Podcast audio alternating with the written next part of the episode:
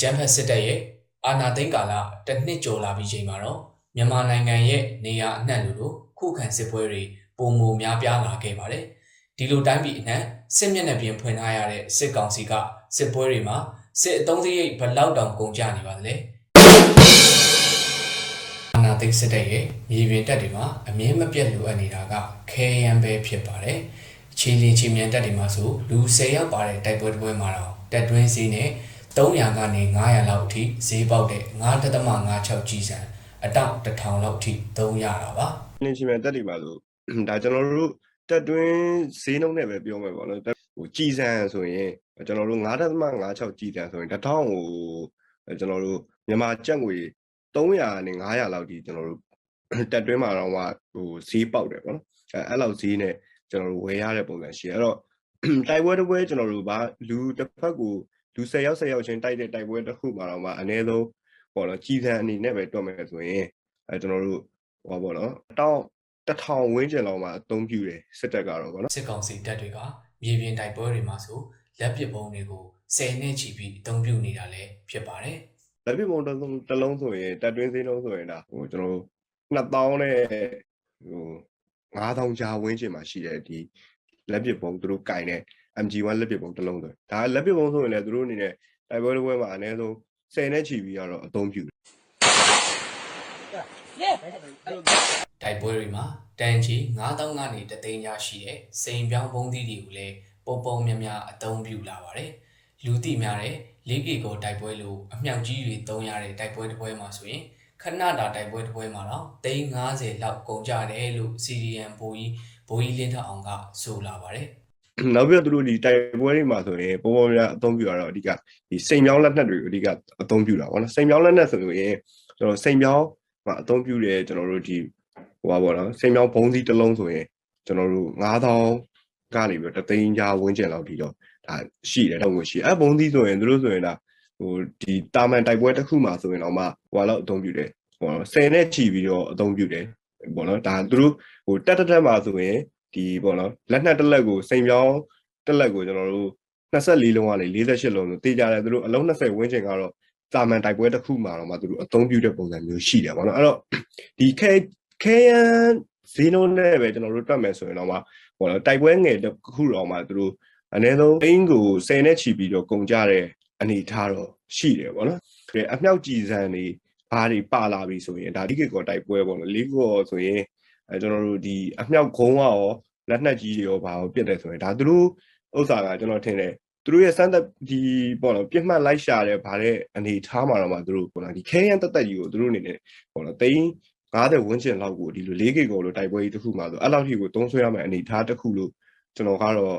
ဟိုထင်တယ်ပေါ့နော်တည်ယူပို့ဆောင်စီ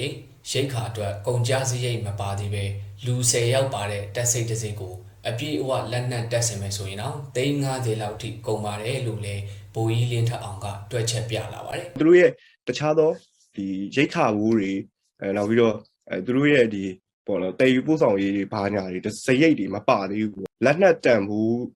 လက်နက်တန်ဘူးပါထည့်ပေါင်းလိုက်မယ်ဆိုရင်တော့လူ၁၀ယောက်ပါတဲ့တက်စိတ်တစ်စိတ်ကိုကျွန်တော်တို့အပြည့်အဝလက်နက်တက်ဆင်မယ်ခဲယမ်းတက်ဆင်မယ်ဆိုရင်ကျွန်တော်တို့တာမန် rifle ကိုင်တဲ့တူတူဒီ MA1 တစ်လက်အဲနောက်ပြီးတော့9.5ကြောက်ဒီ240အဲနောက်ပြီးတော့လက်ပစ်ပုံးတစ်လုံးမိုင်းတစ်လုံးနောက်ပြီးတော့သူ့ရဲ့ဒီကြီးကာအင်ကြီး helmet ပေါ့နော်အစုံအလင်နဲ့ဆိုရင်၅သိန်းဝန်းကျင်ပတ်ချလဲလောက်မှာဒါသူတို့ကုန်ကြသည်ရှိတယ်ပေါ့နော်အဲ့တော့ဒီတက်စိတ်တစ်စိတ်ဆိုရင်သူတို့350 ဝန်းကျင်လောက်ထိတော့ဒါအနည်းဆုံးကုန်သွားပြီဒါသူတို့ရဲ့ချက်ဝက်တစားနဲ့ဘာလို့ပဲကျွန်တော်အနည်းဆုံးနှုံးနဲ့တွက်ထားတဲ့ပုံစံပေါ့နော်နေ့စဉ်တိုက်ပွဲတွေမှာကုန်ကြနေတဲ့စစ်အုံစရိတ်တွေကိုအာနာသိန်းစစ်တပ်ကဘယ်ကနေရနေတာပါလဲဖက်စစ်ဆိုးစုကိုအဓိကဝင်ငွေရှာပေးနေတာကဒီစစ်တပ်စီးပွားရေးဥပိုင်ကုမ္ပဏီ MEHL MEC အပြင်ကိုတက်တုမိုင်းတွင်တက်တော်ကြောက်မြက်ရတနာမြမရည်နဲ့တဘာတံငွေလုပ်ငန်း MOGE မြန်မာနိုင်ငံရဲ့ဒီတန်ရဇာတလုပ်ငန်းတွေကစစ်တပ်ရန်ရလဲပတ်ဖို့ကိုအဓိကငွေကြေးတောက်တိုင်နေနေရှိနေတာပါ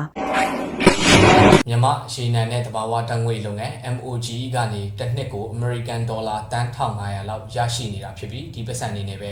လက်နက်ခဲယမ်းတွေဝယ်ယူနေတာဖြစ်တယ်လို့မက်မူလန်ကပြောပါတယ်